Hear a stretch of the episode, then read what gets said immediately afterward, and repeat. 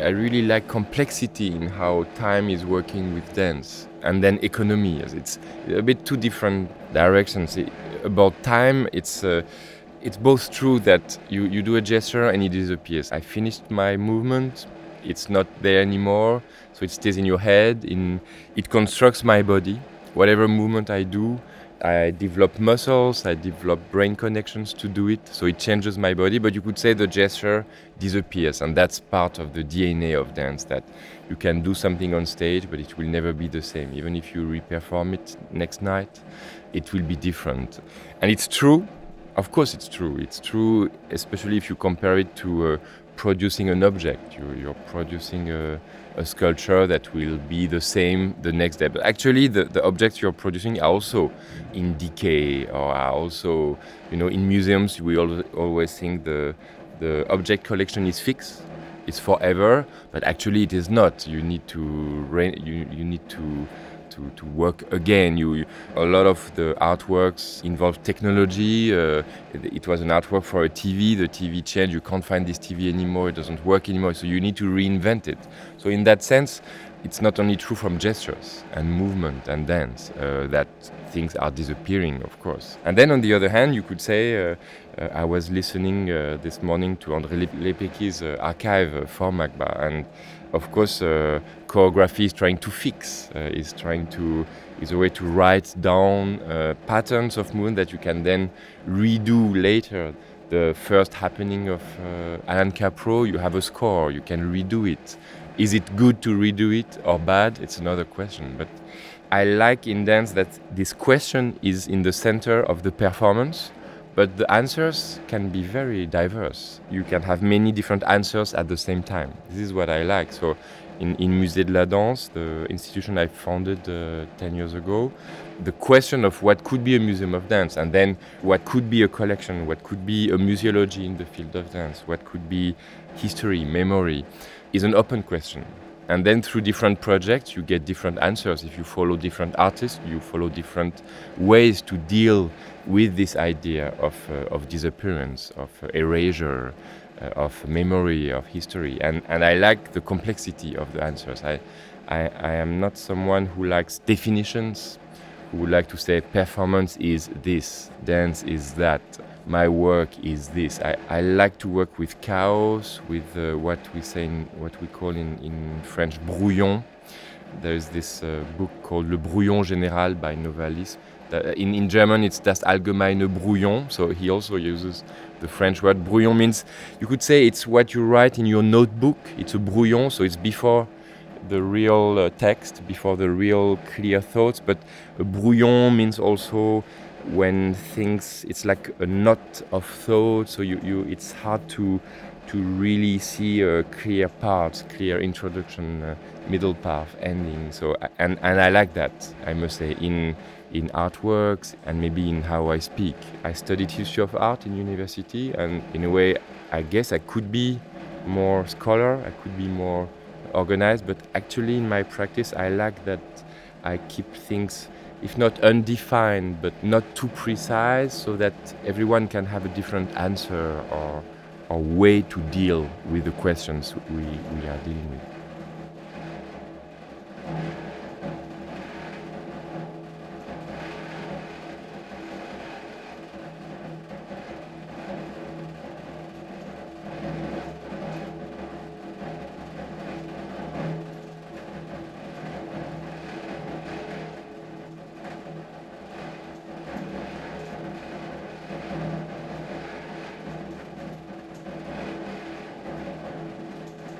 Boris Charmatz is a dance interpreter, choreographer, thinker, writer, teacher, and curator.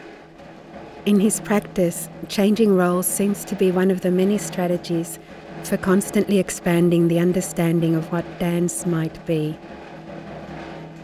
His own artistic work varies greatly in form as part of his commitment to exploring the endless possibilities and social implications of arranging bodies in space.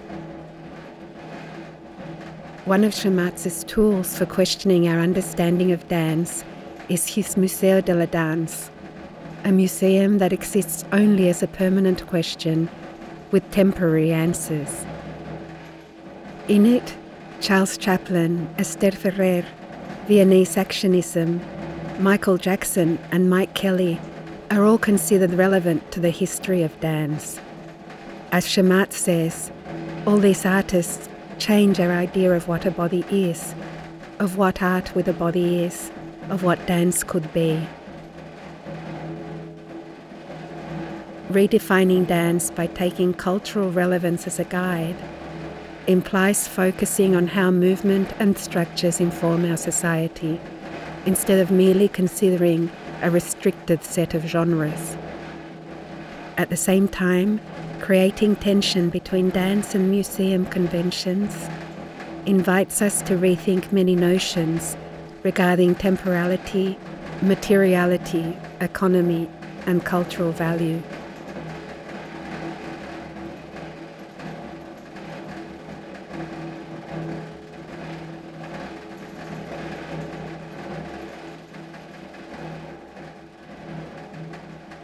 In this podcast, Charmatz reflects on how to address power structures within the artistic field. He also talks about polysemy, collectivity, communities and anti communities, radical pedagogy, dissent, the la Danse, the complex and inexhaustible relationship between dance and history, working inside gestures, and the beauty of older people skateboarding.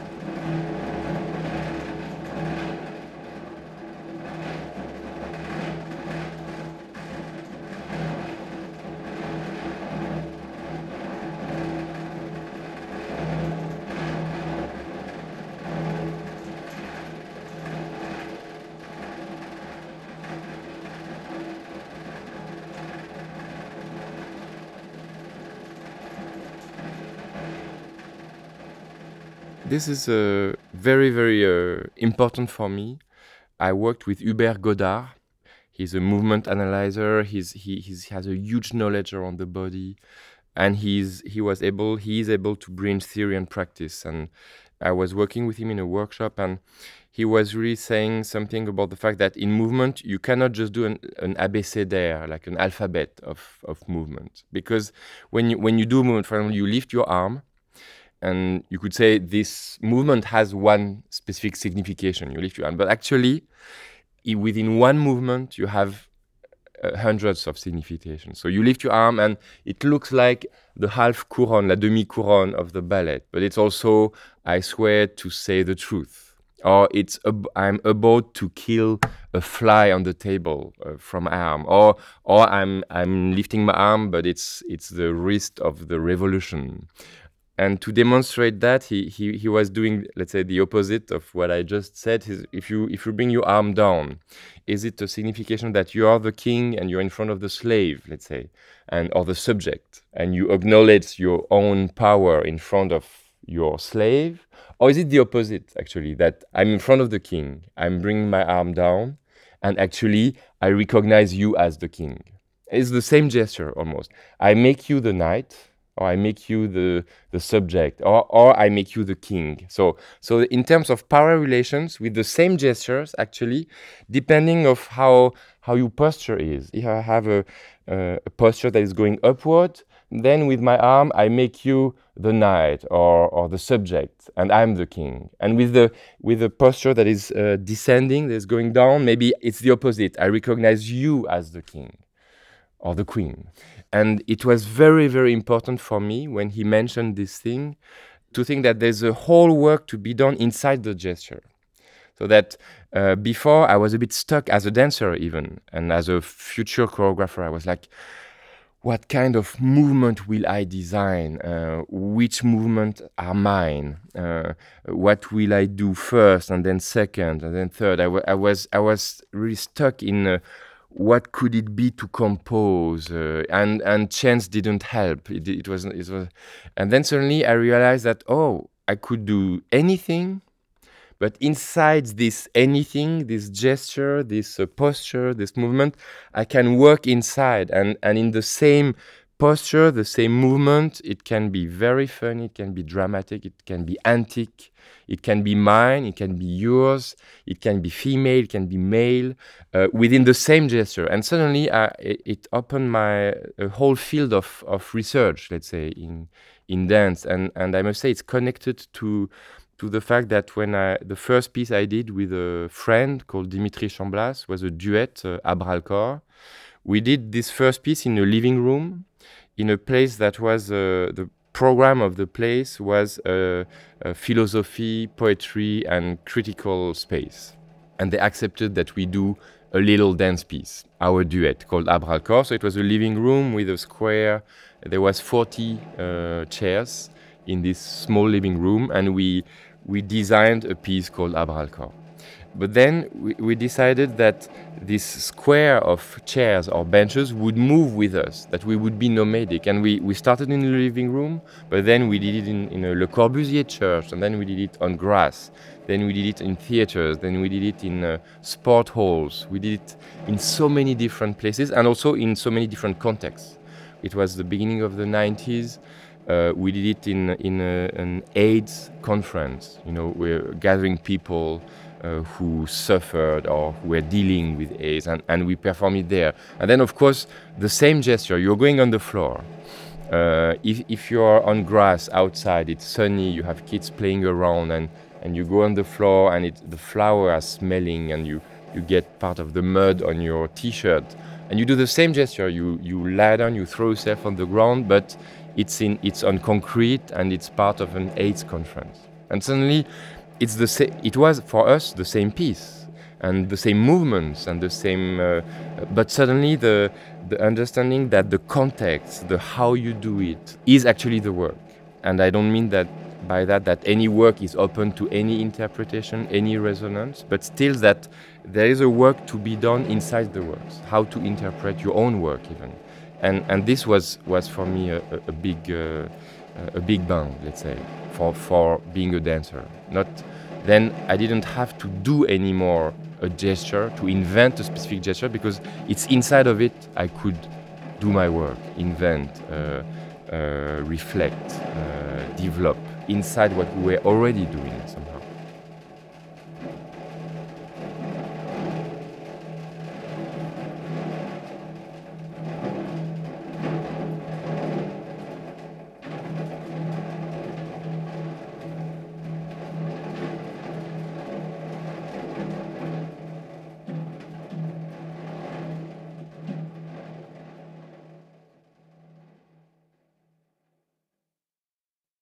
I think this this uh, this complexity within movement you do find it in in the writings of Hijikata. Uh, but I could also say that maybe this complexity of what is inside a given gesture, a movement, a choreographer's uh, a style, signature, uh, work, I find it often in writings. And uh, we have this this uh, narrow-minded idea that dance is a physical practice it happens in studios and on on stages. And uh, but actually it happens in many many many different in showers on youtube. And for me it happens a lot a lot in this in in, in the mental space the dancing where and because actually you you you know that you can do a tango or flamenco or salsa or in, in or, or, or slow dance because you allow yourself to do it. If i think i can't dance then i don't dance. But it's because i think i can't dance is because I think I'm a boy and I shouldn't attend a dance class because the other boys will will laugh at me if I say that I'm dancing. This is what keeps me away from dancing. It's not it's not the dance itself. It's not the movement. It's not the fact that I like or not ballet or I like or not uh, uh, contemporary dance or improvisation. It's the fact that what I have in the brain makes me able or not to do this or that movement. And actually, you think dance as a physical practice, but for me, it is dance that brings me to talk uh, right now.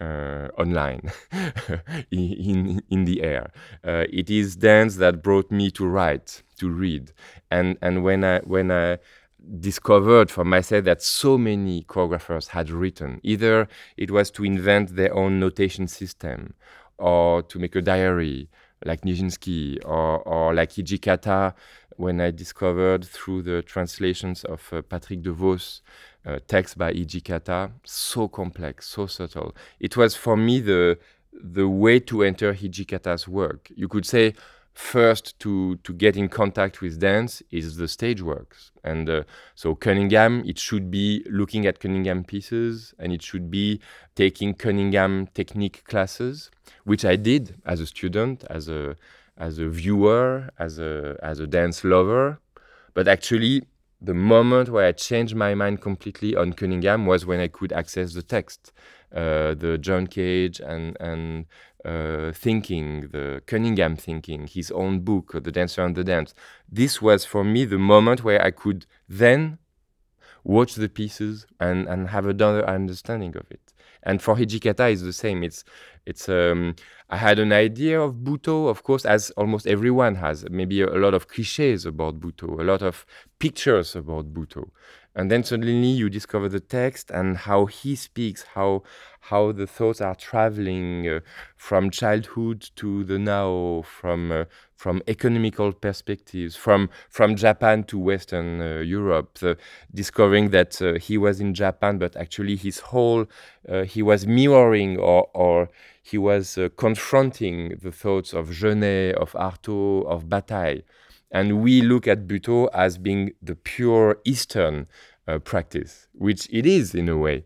But at the same time, they were inventing their practice uh, after Second World War and a bit later, looking at Europe.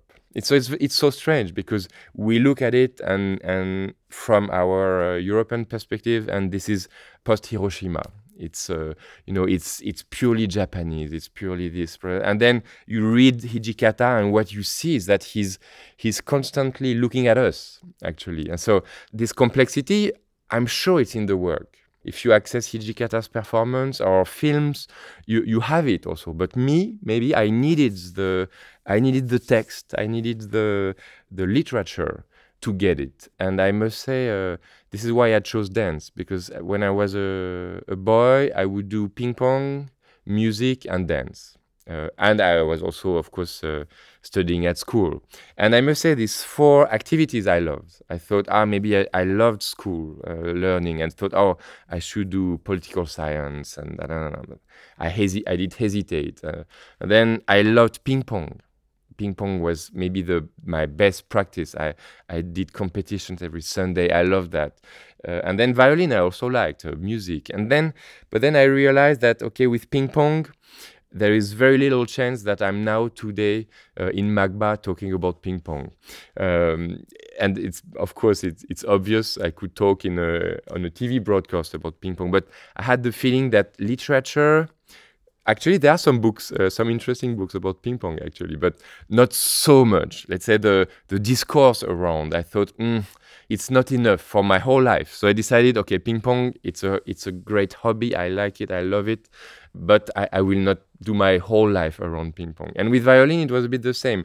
I loved violin but it was it was for me trapped in the genius idea of you know the genius violinist. And also it was so clear clearly framed what a violinist is you know the the solo player the the tradition. Maybe because i'm also partly from a jewish family the the violinist was was a bit too clear and and i didn't feel that that i could enter this landscape and and with dance i thought oh this is this is my medium because nobody could tell what is it to be a dancer and I often say that when you enter a cab and you say you're a dancer, the cab driver doesn't know uh, what it means. Uh, does it mean that you're a prostitute? Does it mean that you're a, a, a ballerina girl uh, in, in, in some ballet? So, so, so is it a real job?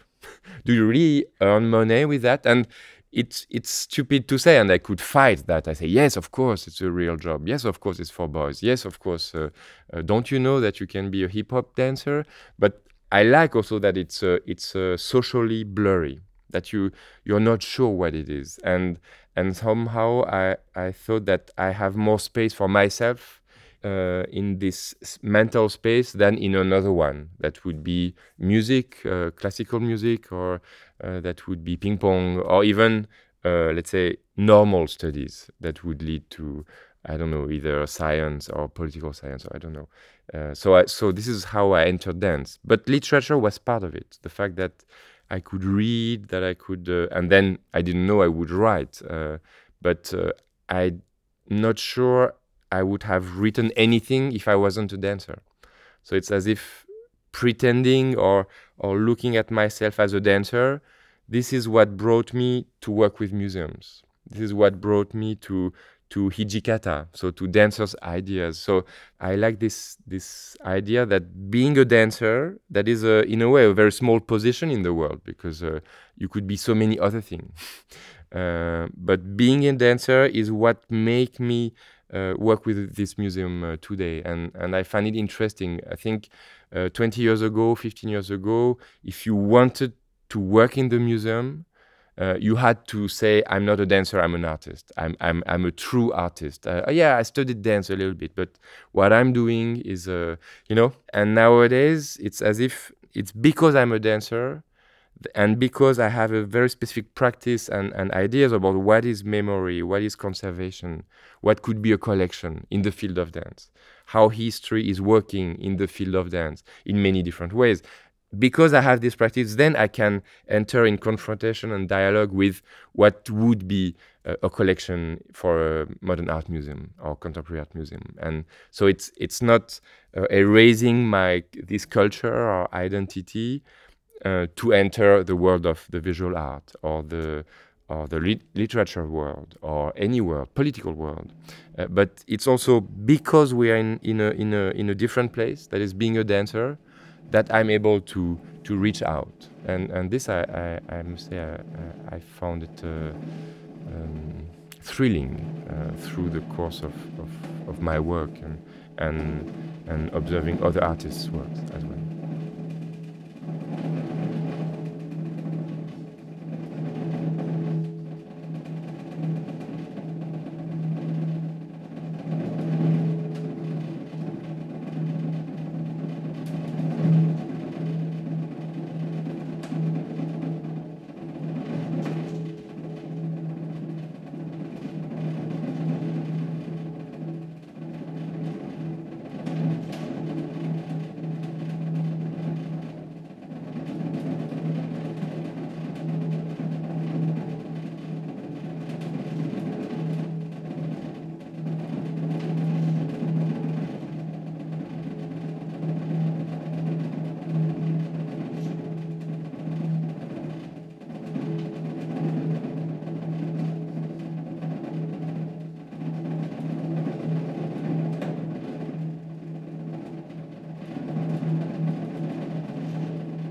I like this project Flipbook because it comes also from one single idea, so thin, I would say, or so uh, like a flash. It's not. It doesn't come from.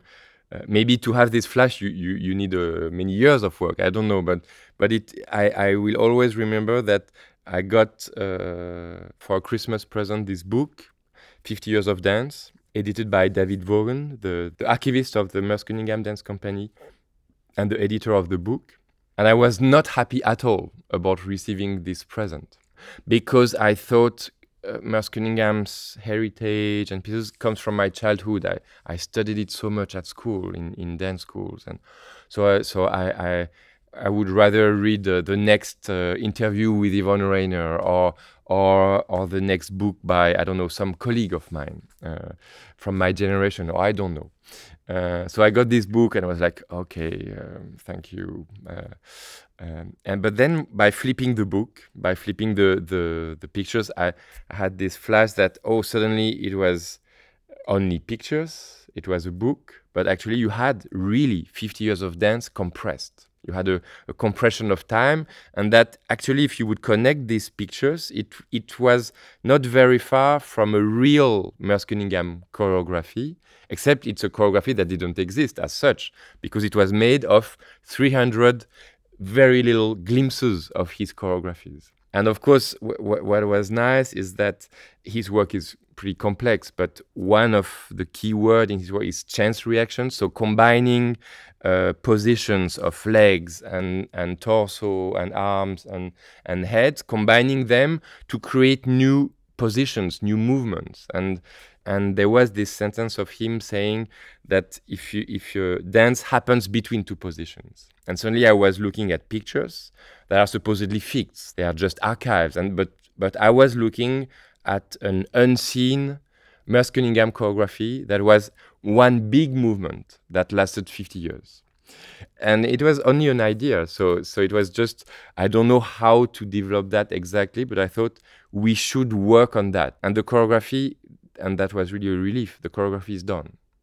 The choreography will start with the front page, uh, where Cunningham holds his face with his hands. It will finish with the last leap uh, jump of, of Merce himself.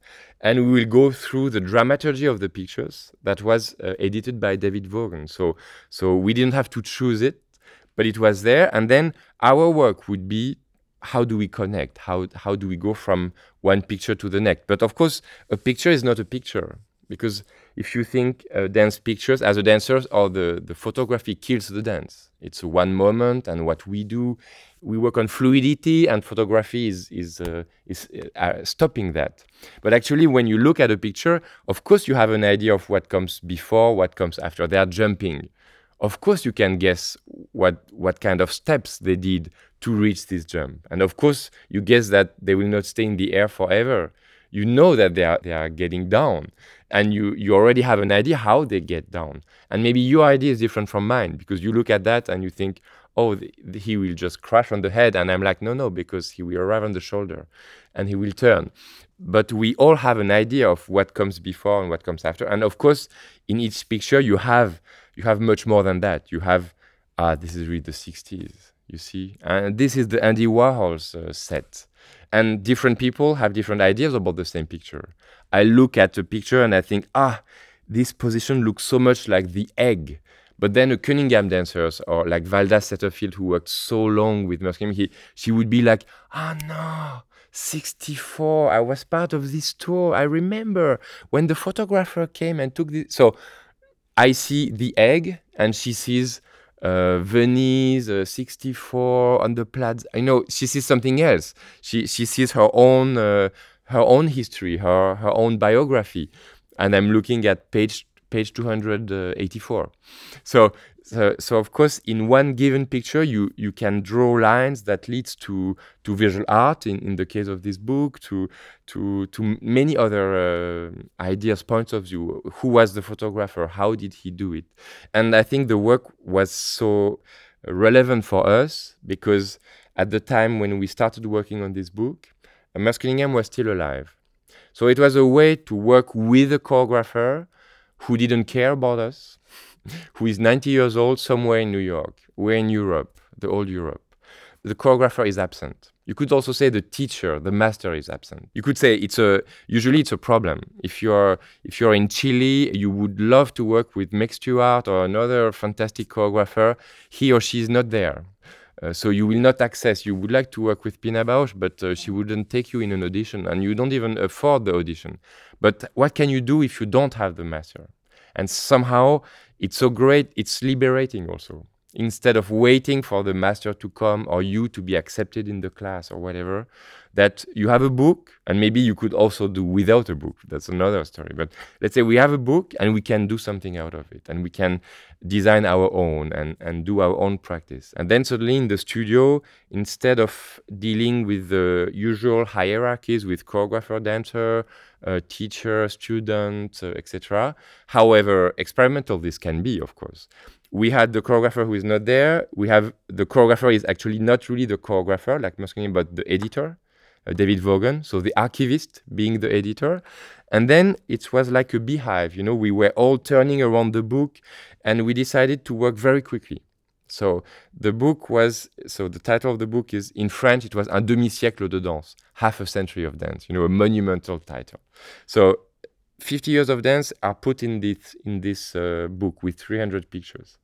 But we work on it in a very limited amount of time because I didn't want to spend two years or six months, let's say, in a process to redo or to work on a Merce Cunningham book because I thought there's so many other choreographers I would like to work with or around or on, and I also I want to develop my own practice, of course, and I want so I didn't want to spend too much time. We work five days and we perform the book. So we have only five days to learn by heart to do this uh, 50 years of dance. So so I like this this uh, transition or translation or or even transubstantiation. Can you say that in English? Like the fact that it's a it's a big uh, famous also dance heritage. 50 years of the Merce Cunningham Dance Company put into a book. This book is worked for five days, and then you do a 50 minutes performance, but super rough so instead of being in a in a performance where we are redoing the famous pictures of the famous pieces by Cunningham, we work like uh, it's like a, it's a Chinese workshop. You know, it's it's very we, we need to to, to do it very very quickly. We we don't know if it's well done, not well done. We we just do it. Uh, so we don't have time to think. Oh, it's uh, the the first picture. It's Merce Cunningham's face. Who is doing Merce Cunningham? Is it you? Is it me? And you can spend weeks thinking, if it's me, yes, but I'm also the choreographer who initiated this project. I shouldn't be the first. No, we can discuss for very long. And what was very good in this process is that we had no time. So who wants to do the first picture? It's you. Deal. Uh, who? Okay, next page. You know, we like the the speed was very important in, in the project also because we were doing a flip book. So we were turning the pages quickly so that it's not only pictures and then pictures and then pictures, but it's really a new choreography that comes out of it. So I must say it, it was it was a it was interesting to think that one single idea led to these performances, but then led to many, many different versions of the performance because we did a version of this piece as we presented it here in Barcelona with, let's say, professional friends, none of them working really with Merce Cunningham. We did a version with the people portrayed in the book, so dancers who are in the book, as if they are popping up the pages, the pages and and performing but then it's their own memories somehow. And we did also versions for students and for amateurs, people who never danced. And maybe it's the best version because then you see people who would never consider themselves as dancers and maybe never consider themselves as part of an American modern dance company from the 50s, 60s, 70s, 80s. And and this is so touching because then you you see how dangerous dance is. Because to do these jumps, it is actually very dangerous. When you look at it, uh, you say, but Uh, for a professional dancer and especially for a Merce Cunningham dancer, you do this jump, these shapes, and it's part of your job. It's part of your skills. It's part of your education. But for people who almost never dance or or amateurs, then to do this, you realize that it's super dangerous. You realize that it's they, they have to take a real big risk to do that, to run and jump as in the picture. And it's I think it's very, very touching because you see the history of dance that is in the book, but you also see the history of the people doing this project. And, and this was what, what was striking when we first did this, uh, this project, that uh, Marlene Monteiro Freitas, a fantastic dancer, performer, choreographer, uh, born in Cape Verde, uh, she would do these Cunningham things, or supposedly Cunningham things, but of course you would see her own history you, you would see that she was not uh, educated as I was. And this difference was so interesting. And uh, you think you're working on dance history, but actually what you see is also the history of the people doing this project. So it's, it's been, I think, more than 10 years that this very simple idea, working on this book, 50 Years of Dance, led to many, many different uh, projects, many different uh, uh, contexts. And, and we presented it in uh, in MoMA or in Tate Modern, even uh, versions of, of this project.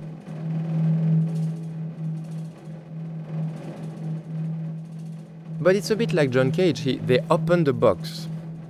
You say this would be possible, but it doesn't mean that you will do it. You know, and uh, for example, he didn't work a lot with amateurs. Uh, Merce. He he really he was. I think at the time it was so important to build a professional dance company, modern dance company, and try to su- make it sustainable it became a, a, very, very strong issue in the late years, uh, beginning of the 2000s, that suddenly amateur works could be actually high art. But how, why, in which conditions? Uh, uh, in under what kind of political agenda. It opened a, a whole set of questions, and I think Cunningham didn't go so much into that direction, but he made these things possible.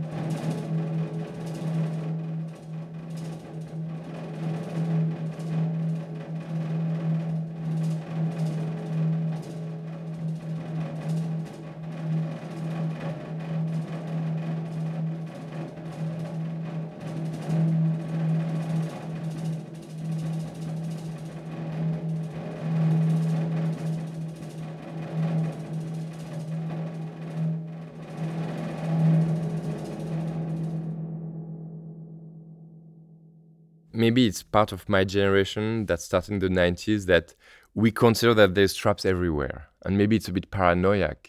This morning I was listening to Lepecki and trying to define that in the 60s freedom was so important. And in the 90s, it's as if we knew that freedom was anyway part of a context that had its, its own rules, that power post Foucault, post that power was always at stake. You are naked on stage or on a beach and thinking, hey, I'm getting free, but actually you're part of a larger movement. You're designed to feel free because you're naked. So, so maybe I'm part of a generation that uh, whatever you do, you're not escaping you're not escaping capitalism. You're not escaping uh, the art context. You are not it's not easy to escape and maybe you maybe you are escaping the art context or you are escaping this but then you enter another context that has its all its own rules uh, history powers and and and you need to deal with that. You you don't escape easily.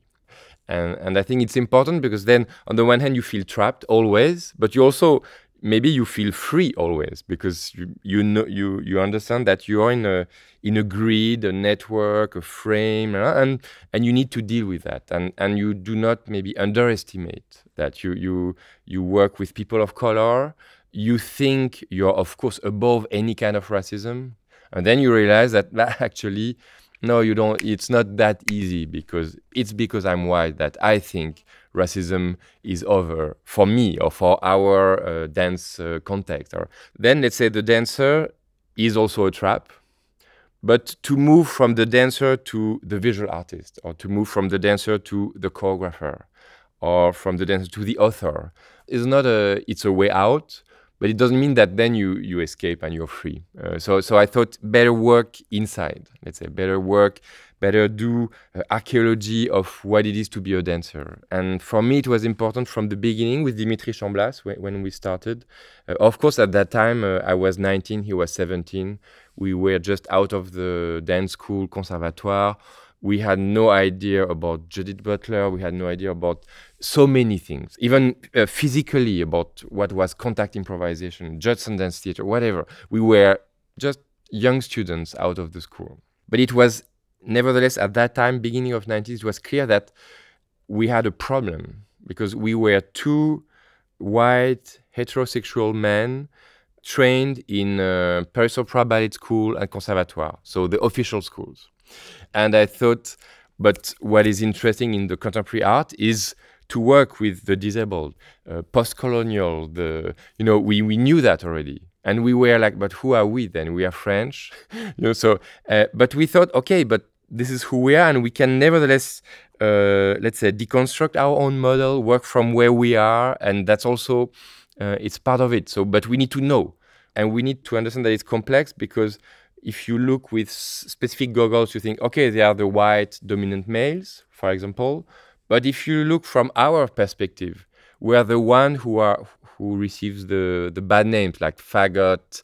Uh, you're faggot dancers. You are you're weak. You're not studying. You will never get rich. You will never get a job. It's not a real job. It's not even to be a real artist to be a dancer. And as a little girl, you don't have to fight to do a dance class in, in opposition to that, you are pushed to be a little ballerina with the tutu, with a. But as a boy, in a way, you need to you need a kind of strength to to go on doing taking dance classes or or allowing yourself to do it. So from the beginning, I thought th- there is this. Uh, different points of view make makes a different politics on what you are doing. You may be seen as dominant, but you're maybe uh, a minority. I like this complexity, and then also the fact that okay, it's a trap to be educated in Paris Opera School. And, and it's true for, for many dancers. You work for 10 years with such masters as William Forsythe or Anne Teresa De Keersmaeker or someone else. Uh, and then you, you, you, whatever you do, you're seen as a as a Forsythe dancer you, because it's very hard to escape the style you and people saw you in that pieces or that so so they think that you you you're never enough far away from the choreographer you worked with. So as a as a dancer very often your body is like tattooed with the signature of the choreographer you worked with.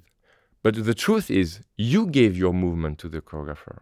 The truth is you made his his heritage. You so actually you designed the sometimes the movements that made this signa- the signature of the choreographer but after that whatever you do it is said ah but it looks too much like Forsythe because now you should do your own work and this this trap let's say i, th- I thought it was super interesting actually that we we have to change the goggles we have to to acknowledge that in dance it's very hard to say which gesture belongs to who.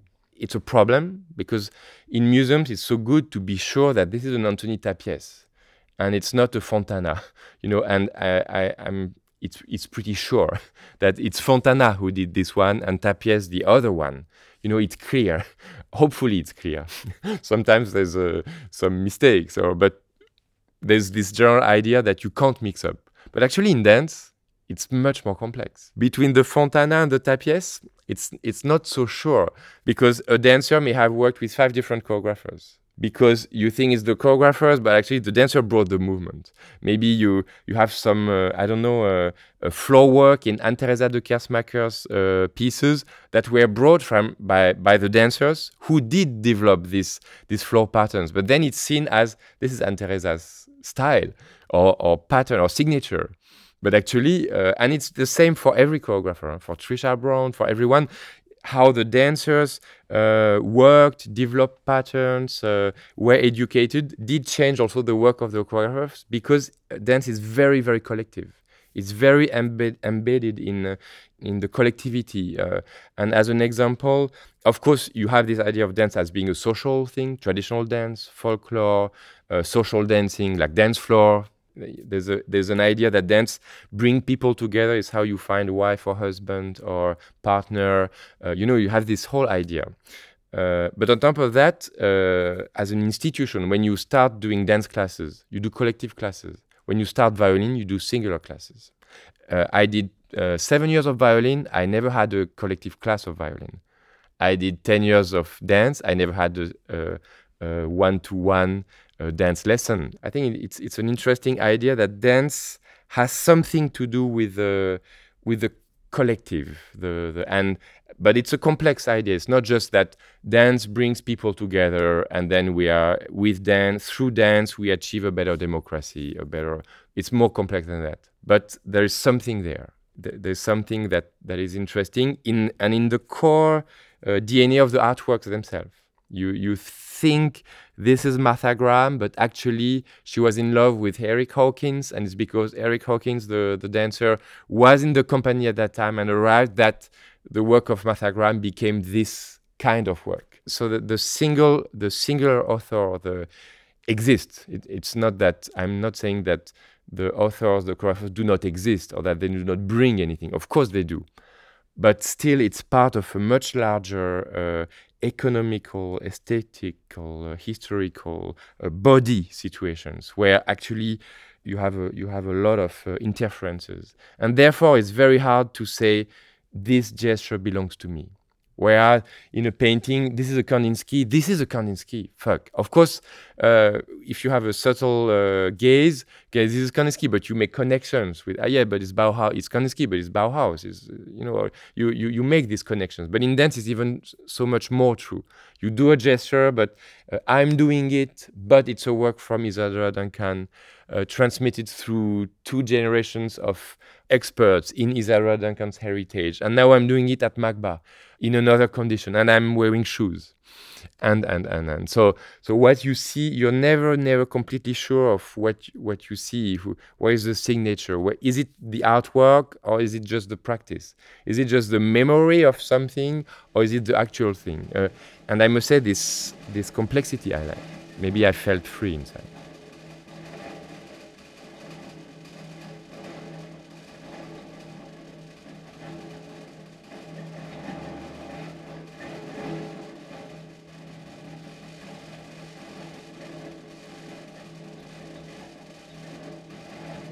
There was a moment in history where if you think the theater, the stage, the audience stage, the frontal situation is a trap, you have the professionals on stage and the and the audience viewers, the gaze, and we need to escape this kind of construction.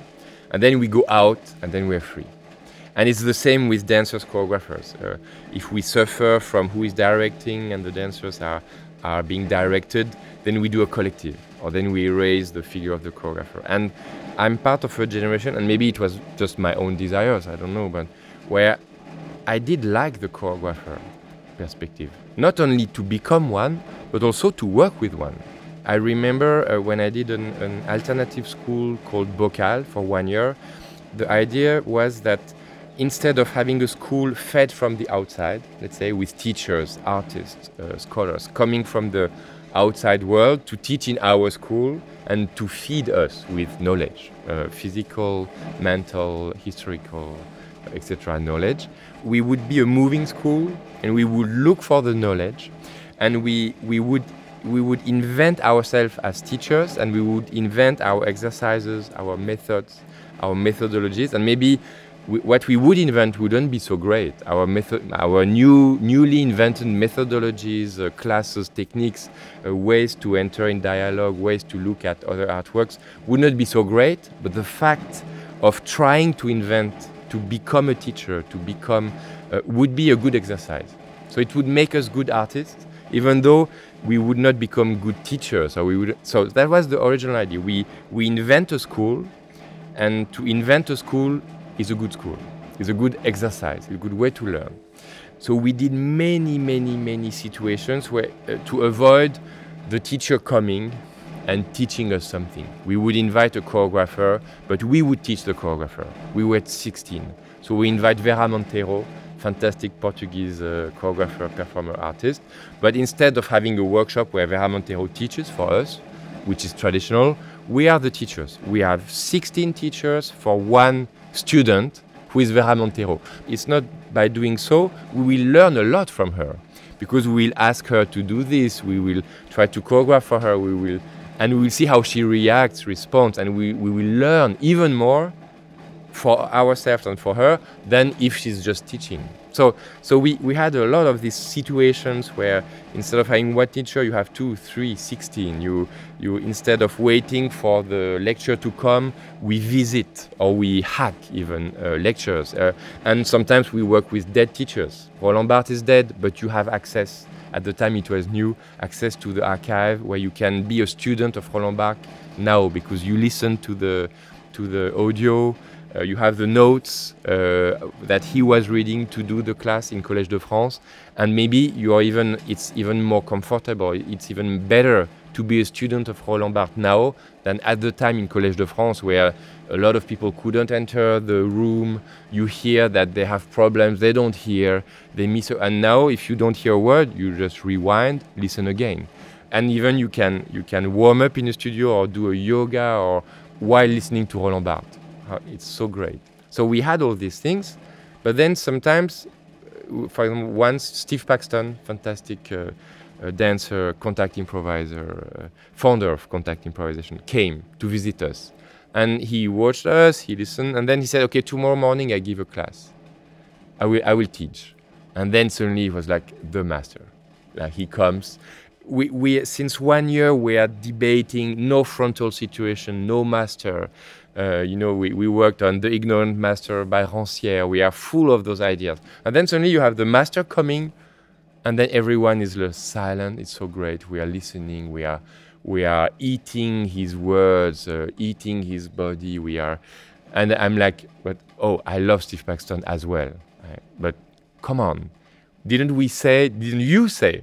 You don't want the master. When I talk, you say you don't want to listen to me because I'm the master. But now he comes and then everybody is so happy. And in a way, I, I like this complexity and I like the fact that I'm from a generation where I don't need to erase the master. We can deal with the master. Uh, we can deal with the absent master, but we can also deal with the present master. It's so great to have a Foucault. It's so great to have a Judith Butler. I, I, I don't think, oh no, we, sh- we, sh- we shouldn't have these voices. We want the collective voices. We want the, no, we, we also need these prominent figures, but we, it's a, it's a loose relation. We can, for one day, have Steve Paxton as the master, but then the next day we improvise with him and we, I don't know, we, we grab him by the t-shirt and we, and we drag him on the floor and it's not a problem and he will enjoy it even. So my feeling was that we will not escape the stage. We will not escape the choreographer dancer relation. We will not escape the power grids. But we can change postures. I can be a dancer and a choreographer and someone who talks uh, here now today for a radio. And it doesn't mean that i need to be a professional writer to make a book I don't need to be mature enough to write or to make a book or to make a network. I can be I can be 20 years a dancer and then I do only one choreographic work. Fine. I don't need to. So and to change posture was for me a, a, a key uh, a key thing, and, and especially in connection to dance and museums instead of thinking, oh, now we do a Musée de la Danse and then we will escape all the problems we had when we were only working in theaters or in dance schools. No, we will keep on having the same problems, and museums have another big set of problems. We are not escaping. Museums being museified is not great.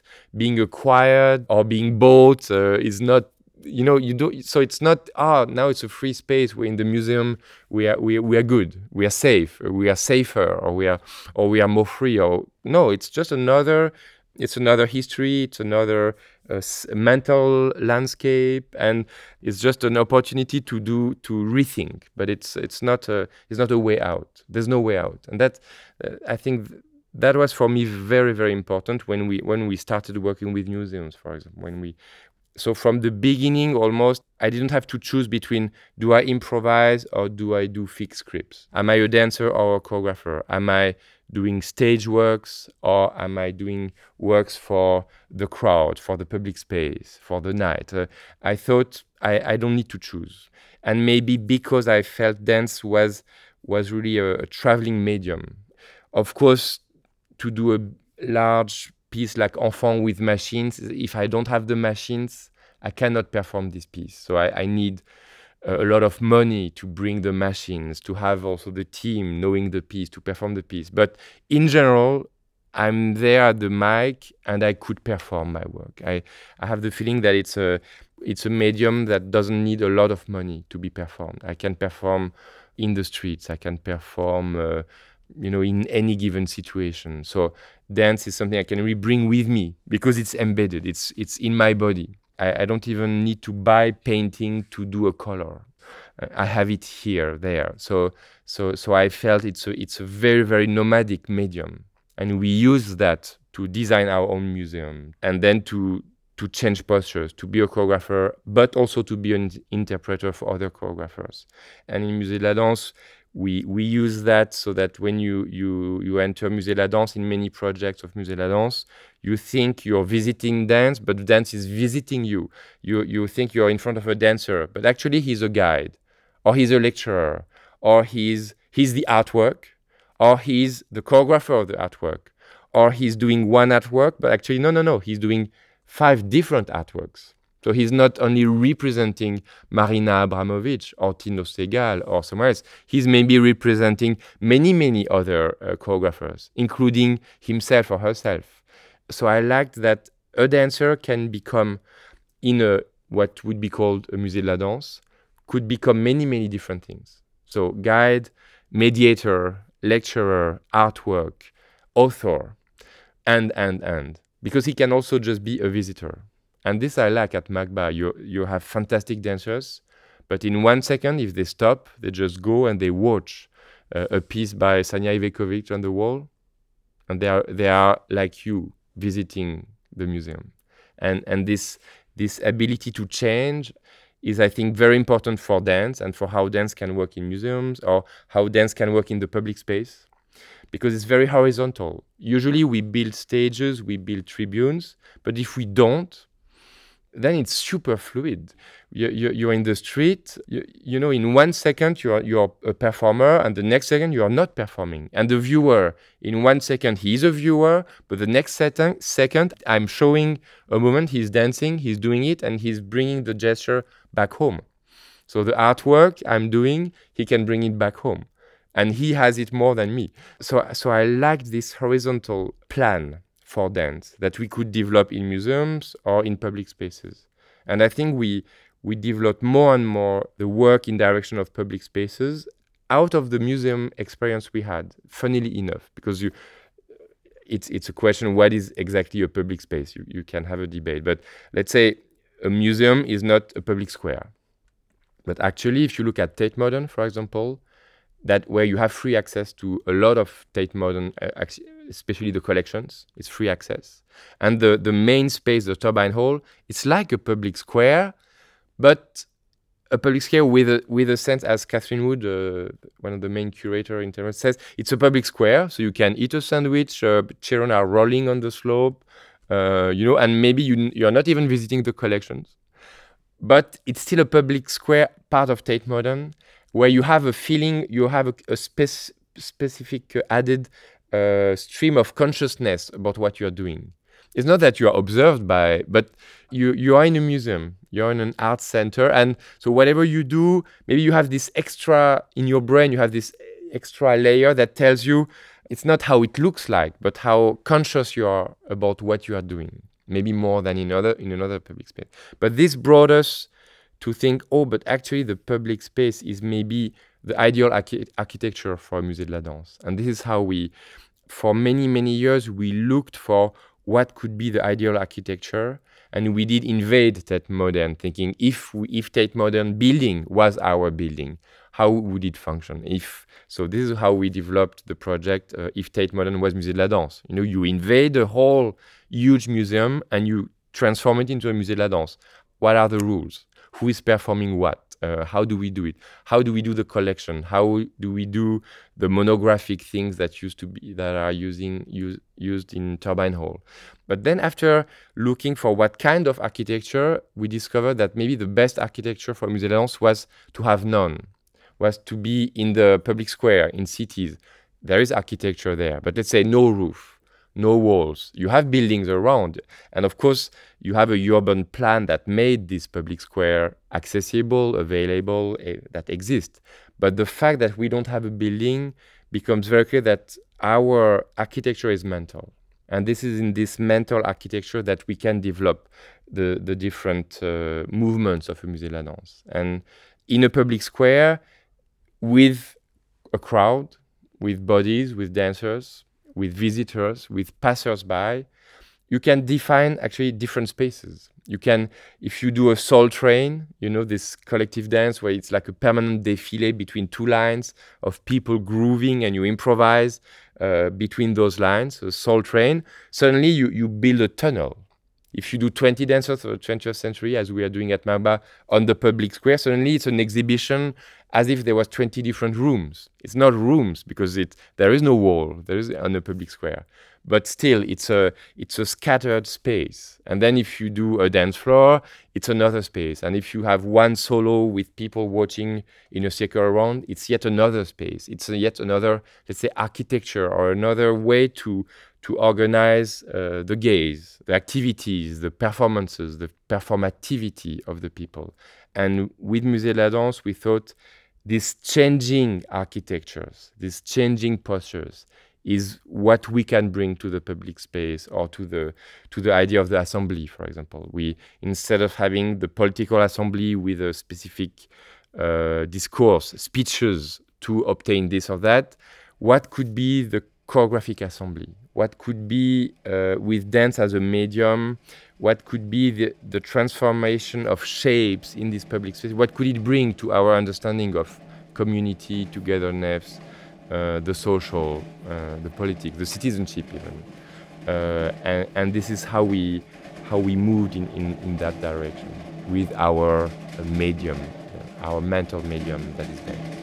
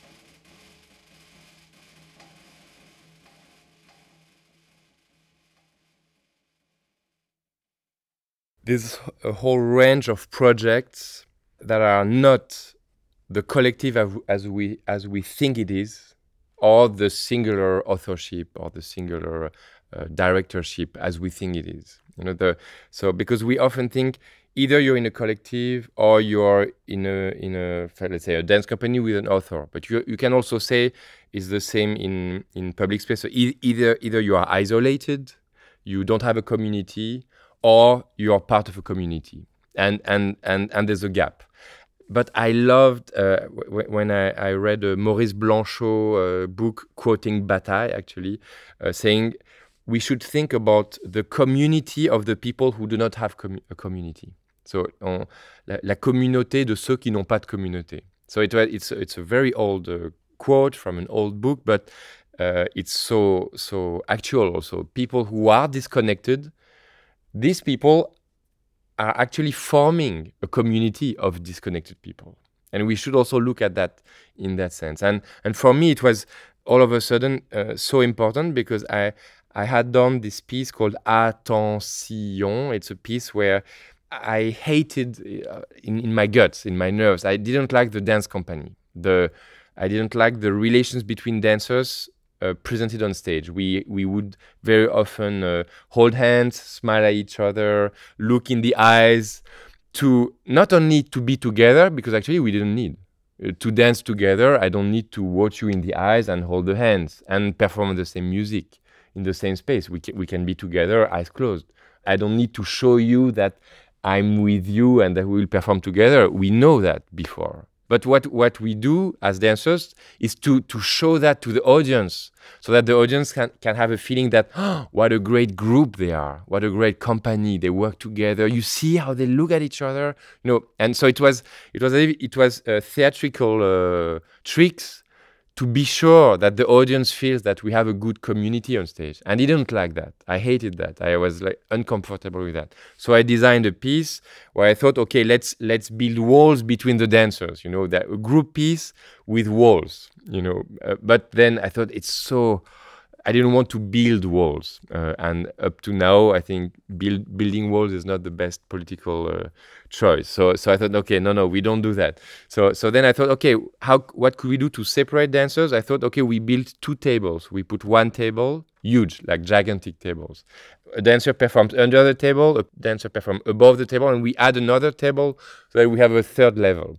And then I, I, I discussed with Gilles Touyard, a visual artist, who said, well, you know, two tables, even gigantic, it's too fragile. You, you won't be able to perform. So he designed a structure, a vertical structure, where the dancers are above each other, simply. And for me, it was anti-community. It was to break the community of the dance company, and then we perform in t-shirts so we are naked with white t-shirts so that the body is split into two.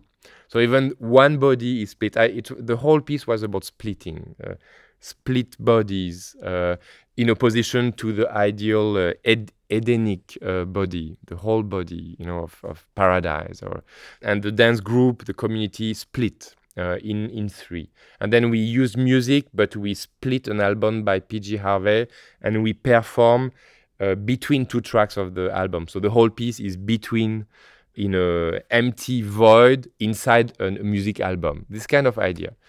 But then we performed, and then uh, Mathilde Monnier, a French choreographer, looked at it and said, "Wow, what a community you're building!" And and it was so. And I was like, first immediate reaction, no, no, no, no, no, no, no. You misunderstood. Uh, it's it's the opposite. It's it's again against the idea of community, especially in dance, but then uh, maybe in modern art, in, in avant-garde, in it's it's against that. It's, uh, it's it's not what we were doing. But then she was saying, yeah, but still you, you're so engaged in the same. You know, you you're doing this piece together. You of course you're separated, but then because you don't see each other, you listen to each other. So I know what the other dancers are doing, not because I watch them, but because I hear what they do. Like you know, you you it's it's as if for blind people you don't see but then of course you develop the other senses and then your touch becomes much more rich than than if i can see so and it was the same in the piece so so i was like I, I was a bit naive i think oh it's enough to have dancers above each other and not looking at each other then we are getting rid of the community idea? No because it comes back uh, and even stronger and maybe it's good. Uh, so so so uh, this idea make my thinking a bit more more more complex than than it was at the beginning. And i had the idea that we could develop a lot of protocols of works where it's not just collective collective where uh, decisions are shared uh, by everyone agreeing like find, finding the consensus between the participants or making singular works with one author one choreographer one artist uh, directing even either himself or a whole group. I thought there's a lot in between these two decisions. There's a lot to be done, and and this is how we develop, for example, 20 dancers for the 20th century. It's super collective. We are all part of the same exhibition. We we we present the dancers uh, to each other. We learn a lot from each other, but at the same time, what I'm doing is my own, and what uh, Raphaëlle Delaunay a dancer who worked with uh, Paris Opera Ballet, Pina Bausch, Alain Platel, uh, works on Josephine Baker's dances, etc. She's doing her own. And we don't need an agreement, and we don't need a so. And and I like this uh, these collective processes where actually individual has has a lot of freedom to do their own, but also to contradict uh, another one's voices. And it's very true from for uh, I don't know, uh, for example, Fou de Danse, a big event we do uh, on the public square. we have urban dance, but we also have tra- traditional dance from Brittany, and we also have uh, Lu- Lucinda Childs uh, pieces. And for some of the visitors, viewers, passersby, they come. Some of them they love uh, the children making hip hop, but they don't care about Lucinda Childs. Some people praise Lucinda Childs, adult, but they don't like uh, the kind of techno, the dance floor, or or, or the folklore, or or some people love the the virtuosic dancers, but not the children. Some people love the children, but not the you know. And I like the it's really following Rancière also huh? the the idea that democracy is built through the dissent, dissensus, and not uh, built via consensus. You think democracy is a way to build consensus, but actually, democracy is uh, is the way to to be able to hear uh, voices or points of view that are e- either invisible or unheard, and to recognize it, and to also recognize it as not your own.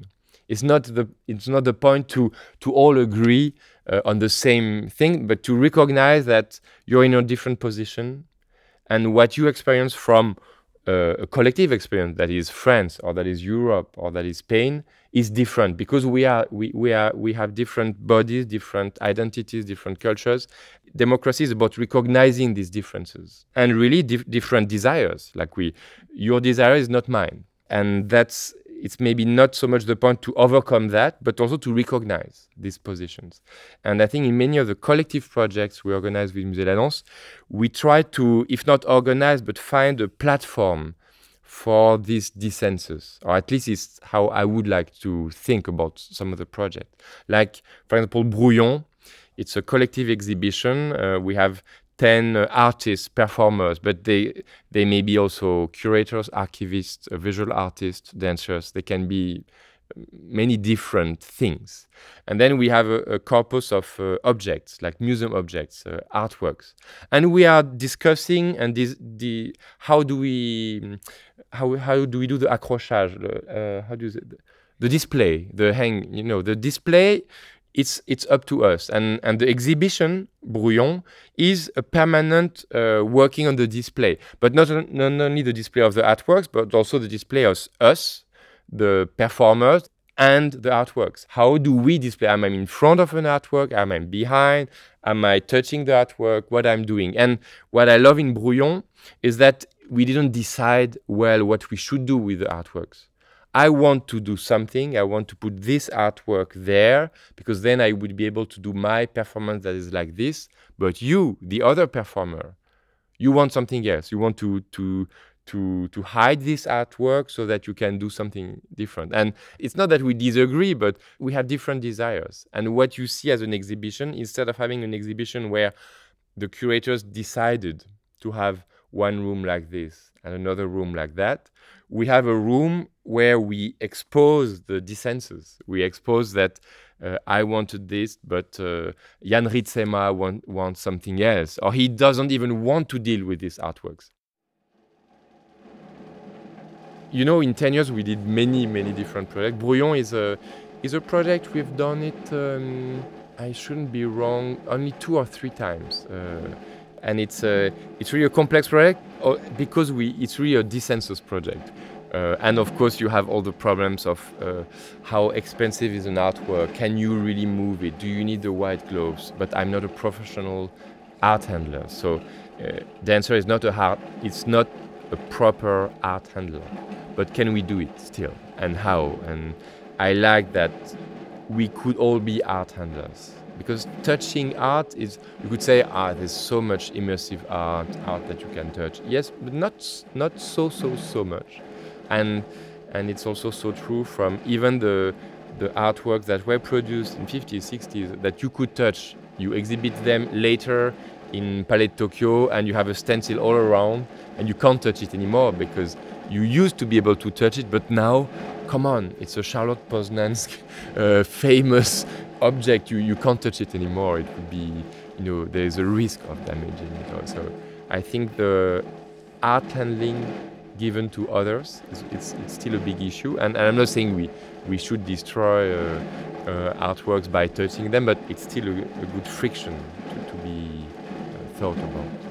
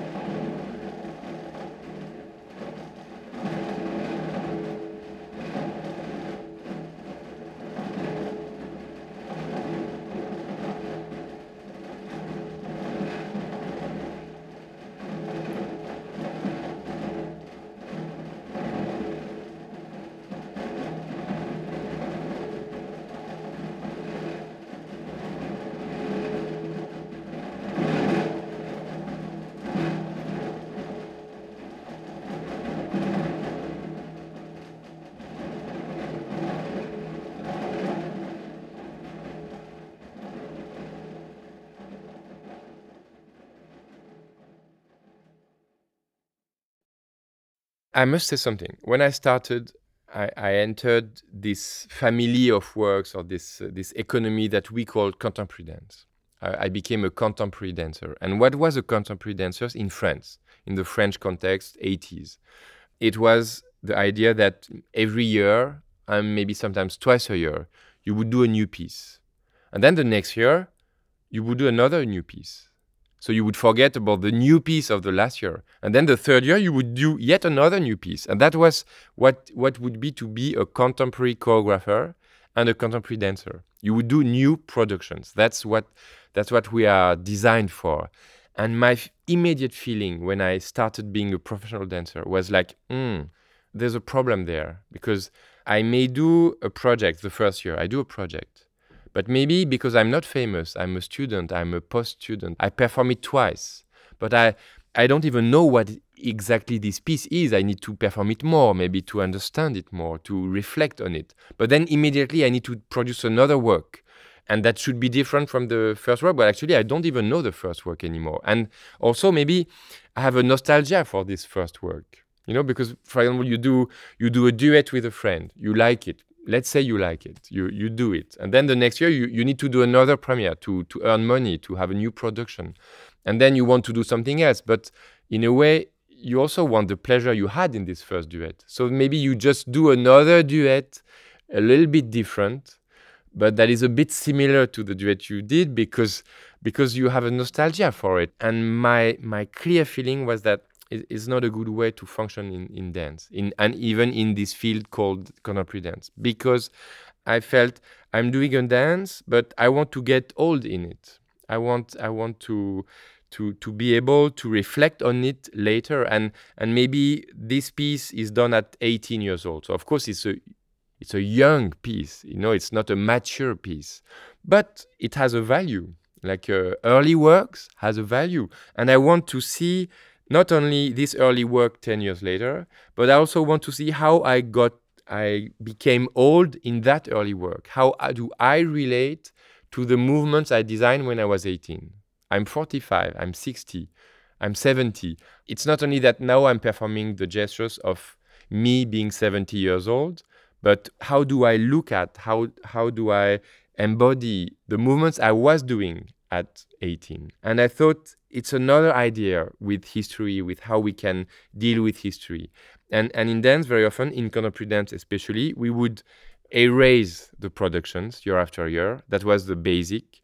And the other way to deal was the Paris Opera Ballet idea, where we keep a repertoire, but we change the dancers. So three years later, you have younger dancers, a younger generation. Five years later, younger so younger bodies. So as young as the original bodies, performing the gestures. And I thought, this is too bad because I, actually getting old is fantastic. And not only getting old to do new movements according to your age, but also a friction between the ages and the confrontation. Like I'm old, but I'm doing things that only uh, like I, I, want to do the skateboard that I see in front of MACBA, even though I'm 45 and I don't know how to skateboard. It's interesting to see I mean, it's great to see a young, uh, semi professional skateboarder. It's fantastic. But to see someone who never did skateboard, that's really good, or who is too old to do skateboard, that's great. And for dance, it's the same. If you are a specialist of Is- Isadora Duncan, it's great because you have a knowledge, you, you know how she developed her work. It's great.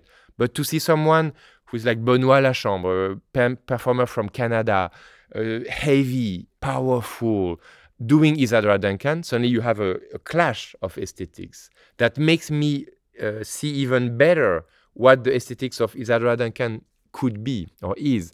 And it also brings Isadora Duncan where you think, okay, young uh, women with veils, uh, uh, bare feet, uh, floating movements. You see it in the street, by night, with sneakers, performed by men. I'm not saying that we should only do that. It's not that we should only organize clashes between ages, uh, dates, uh, styles, but to think history and heritage as a potential place for reinventing, thinking our own present, organizing confrontations and not just homage to the old masters. I thought this is what we need in contemporary dance. So I, I thought uh, it would help me invent my own future uh, works to not be disconnected and pretend that I don't know or pretend that I don't want to even see what was before. Because in France, I had the feeling in the 80s that I was part of this wave called the new French dance and then the new European dance.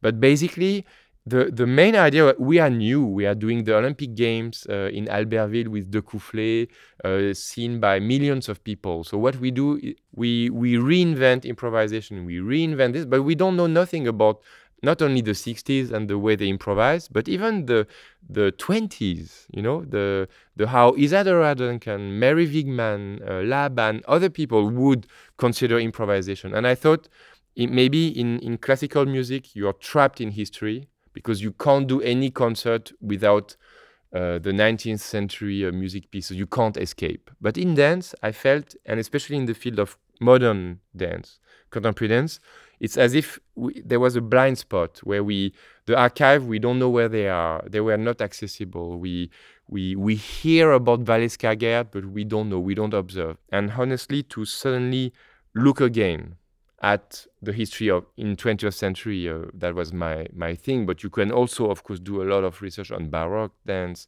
renaissance uh, it's another was really helpful to to rethink and to understand what we are doing today.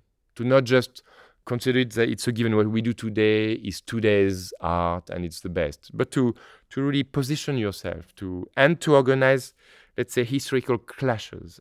And I must say it, it, it was my thing to me performing Isadora Duncan, I think it it's it's a point of interest for me, but maybe and and I maybe I overestimate, but maybe also for people discovering Isadora Duncan. Because if you if you look like as at, at Isadora Duncan with a neo let's say trapped in the aesthetics of what you think Isadora Duncan is and was, then maybe you don't see Isadora Duncan anymore. And sometimes you need to you need a, a change of perspective to see what it was really more and to also acknowledge that she died.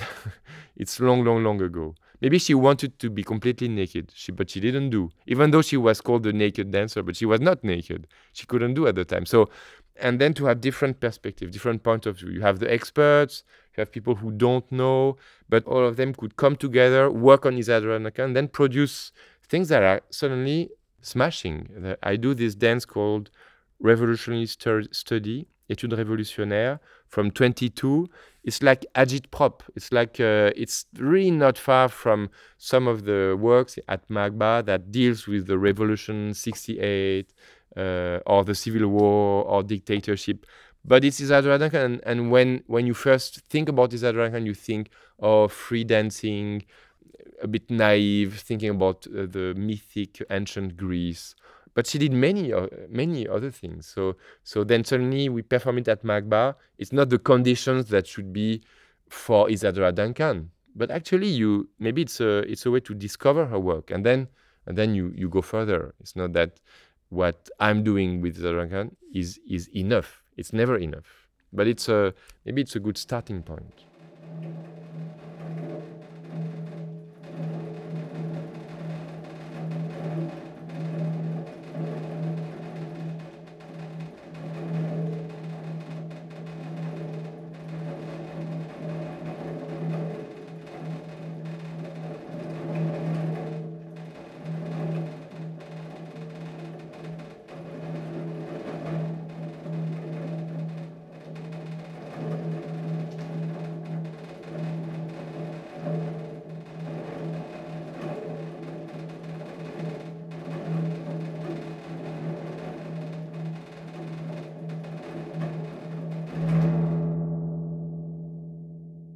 Is it better to work on a dance score and then, therefore, for choreographers to develop scores, notations, uh, precisely, so so that then people would could refer to it to reconstruct later uh, choreographies. And this is how choreography started. Huh? Uh, in a way, the choreography was a way to, to work at the table, to design, to orient, to, to decide uh, of the conduct of people, dancers, so that then for the future, you would know how to redo it, how to organize. Uh, or do we work on videos? Because nowadays we have so many videos, uh, and we can we can learn from videos so quickly. And there there is there is this idea, but in a video, what you see is a, is a real body performing. So it's one what you see is one interpretation of a work that is larger. And if you look at the score, we are both looking at the score, but your interpretation will be different from mine because you're a reader and how you read it is different from how I read it. But I felt actually, no, we can consider video as a score. Of course, the dancer in the video is doing something, but how I relate to it, I'm also free. But instead of saying, let's work only on videos, or let's work on scores, or let's work on text, uh, my feeling is that we have all these tools. And what is very good is, is to, to develop art desires with these tools if I have desires with pictures, photos, let's develop. If you have desires with videos, with this, this, you know, so we don't need to decide in Musée de la Danse how do we keep the works or how do we work on history. What, our strength in Musée de la Danse was that Musée de la Danse was a project with a question mark. It's Musée de la Danse question mark. And then you work with Pierre Leguillon, a visual artist, and he says, actually, or with Jean-Luc Moulène, a photographer, or with Tim Etchells, a theater director. But the three of them said, you have to work with pictures, photography. And first I was like, no, no, no, Musée de la Danse is not a museum with dance pictures. It, this is the, the most awful way to do a dance museum. And they were like, you don't escape. You know, it's Musée de la Danse. So Pierre Leguillon, he acquired on the web more than 400 pictures related to dance, uh, made boxes like a small scale dance modern art museum where the boxes become the walls, smaller, uh, where you have 400 dance pictures attached to the boxes that are the walls, and the display is like looking at a small scale museum. But then Tim Etchells has another idea of how to work with pictures, and then Jean Luc Moulène, visual artist, photographer, yet another idea. And what was great with Musée la Danse is that we were discussing with many people and each artist or each visitor had another idea how what could be conservation what could be collection what should be exhibited uh, how do you keep things or not? And me I, I, I like that there's many different ways. Like in flipbook we have some films of flipbook but what we have the most is the book. And basically i give you the book you do your own version and and that's all you need. Uh, one line describing maybe okay just learn all the pictures by heart and perform it. So it's enough to to transmit the work. Um, but it's great to have also videos. It's great to have other tools. And and in musée de la danse we we were really not stuck in one way to organize history. Uh, history could could be just a fantasy uh, could be really a proper archive presented of course or archive reworked but of course because we are not a conservation museum. We were not a good place to hold precious artwork that could be damaged by humidity or time or so of course we developed a lot of the museum that is let's say hidden in the bodies of the dancers for example or immaterial way to deal with history and in that sense i, I love for example one project called expo zero uh, in expo zero we invite many different people archivists, historians, curators, visual artists, uh, dance artists, music, theater artists. But all we gather and we think what would be your Musée de la Danse? What would be the Lepecki Musée de la Danse? What would be the Mette Ingvartsen Musée de la Danse? What would be this or that curator's Musée de la Danse? And each one has a different idea. And then the exhibition we we perform in an empty gallery spaces, empty spaces, completely emptied out. And it's very clear that you enter the mental spaces of these people who are then guides to their own museum. If we think Isadora Duncan is important, if we think Allan Kaprow is important, it's part of our museum. But if suddenly I decide that no, no, Allan Kaprow, okay, but I, I want to shift perspectives. Let's go in another room and let's talk about someone else. The fact is, we did Musée de la Danse, but I wanted a broader history of dance than you think it is. So if you first think uh, Histoire de la danse, so dance history, uh, then you have the pioneers of uh, German pioneers, beginning of 20th century, and then you have uh, the American pioneers. But me, I was like, no, no, but Charlie Chaplin should be definitely part of our dance history. Esther Ferrer should be part of our dance history. So people who are supposedly conceptual artists, minimalist artists, body artists, uh, who are from Viennese actionism. You like it or not? You know, you. It's not that you need to adore uh, Viennese actionism or not, but it's part of how we change our idea. We, you know, uh, change our idea of what a body is, uh, what art with a body is, what dance could be. So, in a way, in my understanding of what is dance history, you have Vito Acconci, you have Mike Kelley, you have Esther Ferrer and those people. You have, and maybe you also have Michael Jackson. And it's not to say that it's equal. I'm not comparing Esther Ferrer to Charlie Chaplin, to Mary Wigman, to uh, to Michael Jackson. It's absurd, but it's part of what I considered history of dance. I'm dreaming to have done a Mike Kelley dancer exhibition because actually he he had a lot of you could say performance, but dance. He you know he he grimes himself as a clown dancing. He's you so so there's a there's a lot of dance in Mike Kelley but of course you don't consider Mike Kelley as a dancer. Mike Kelley is Mike Kelley and it's the same for for example the the, the video artist uh, Aernout Mik. Aernout Mik is a is an author of films in museums, but actually I'm a dancer. I look at his film. Uh, he's a fucking good choreographer because because he's a good choreographer. Because you there is no choreographer. You you don't understand who is directing these people in the videos. What has been said. What what is set.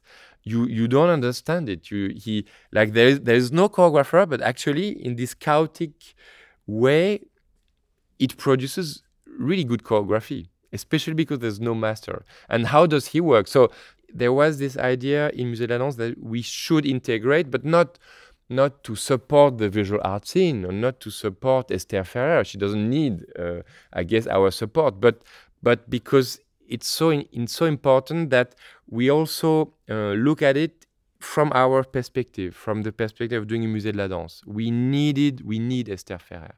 We need Kurt Schwitters and Raoul somehow, somewhere. I, I, I always remember that uh, Schwitters for me was a sound poetry performance. Raoul Hausmann was a very good dancer.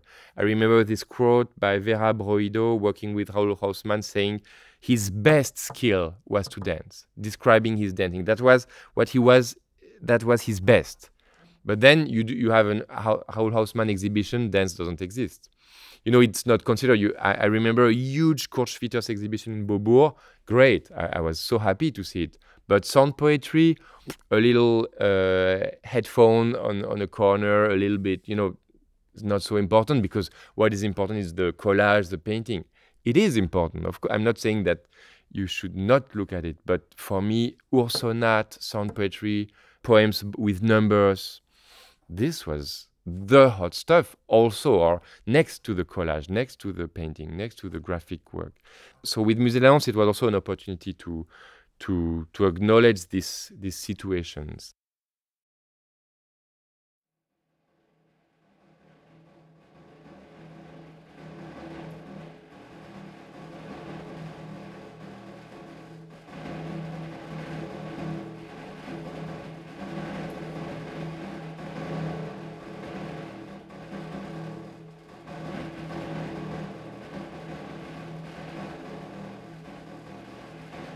if you have a museum, you already need to think how do we deal with what we have, our history. But we did start a museum in the Netherlands. We start from scratch.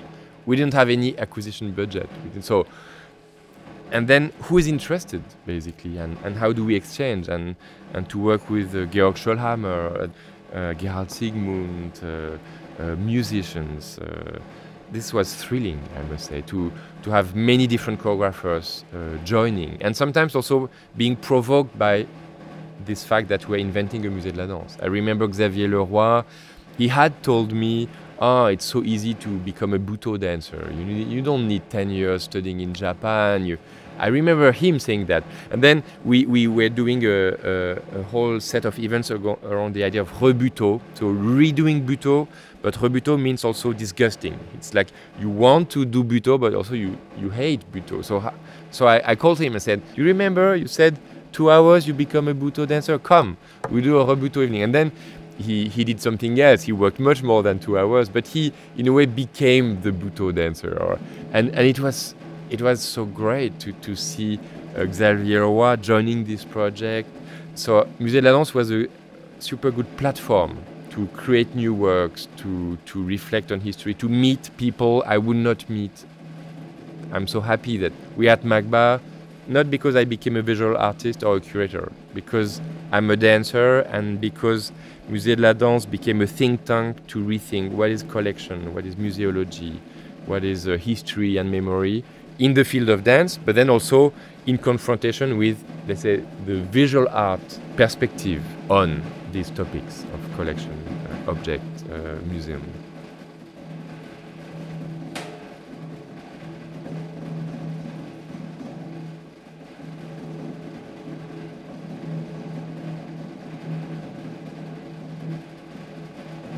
And I must say, Musée de la Danse was a, a title and an idea given by Angèle Legrand. She was let's say, my manager uh, long ago, but much more than a manager, really collaborate, collaborate. And she first mentioned, why don't we do a Musée de la Danse? And we had done already many exhibitions, we worked with visual artists.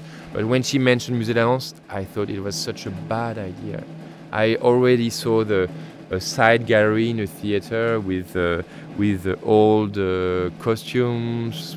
I was like, no way, it's it's a bad idea, Angèle. And it took me two years to really suddenly understand that it was the best idea she ever had, and I to recognize that. And then and then we worked on what could be Musée de la.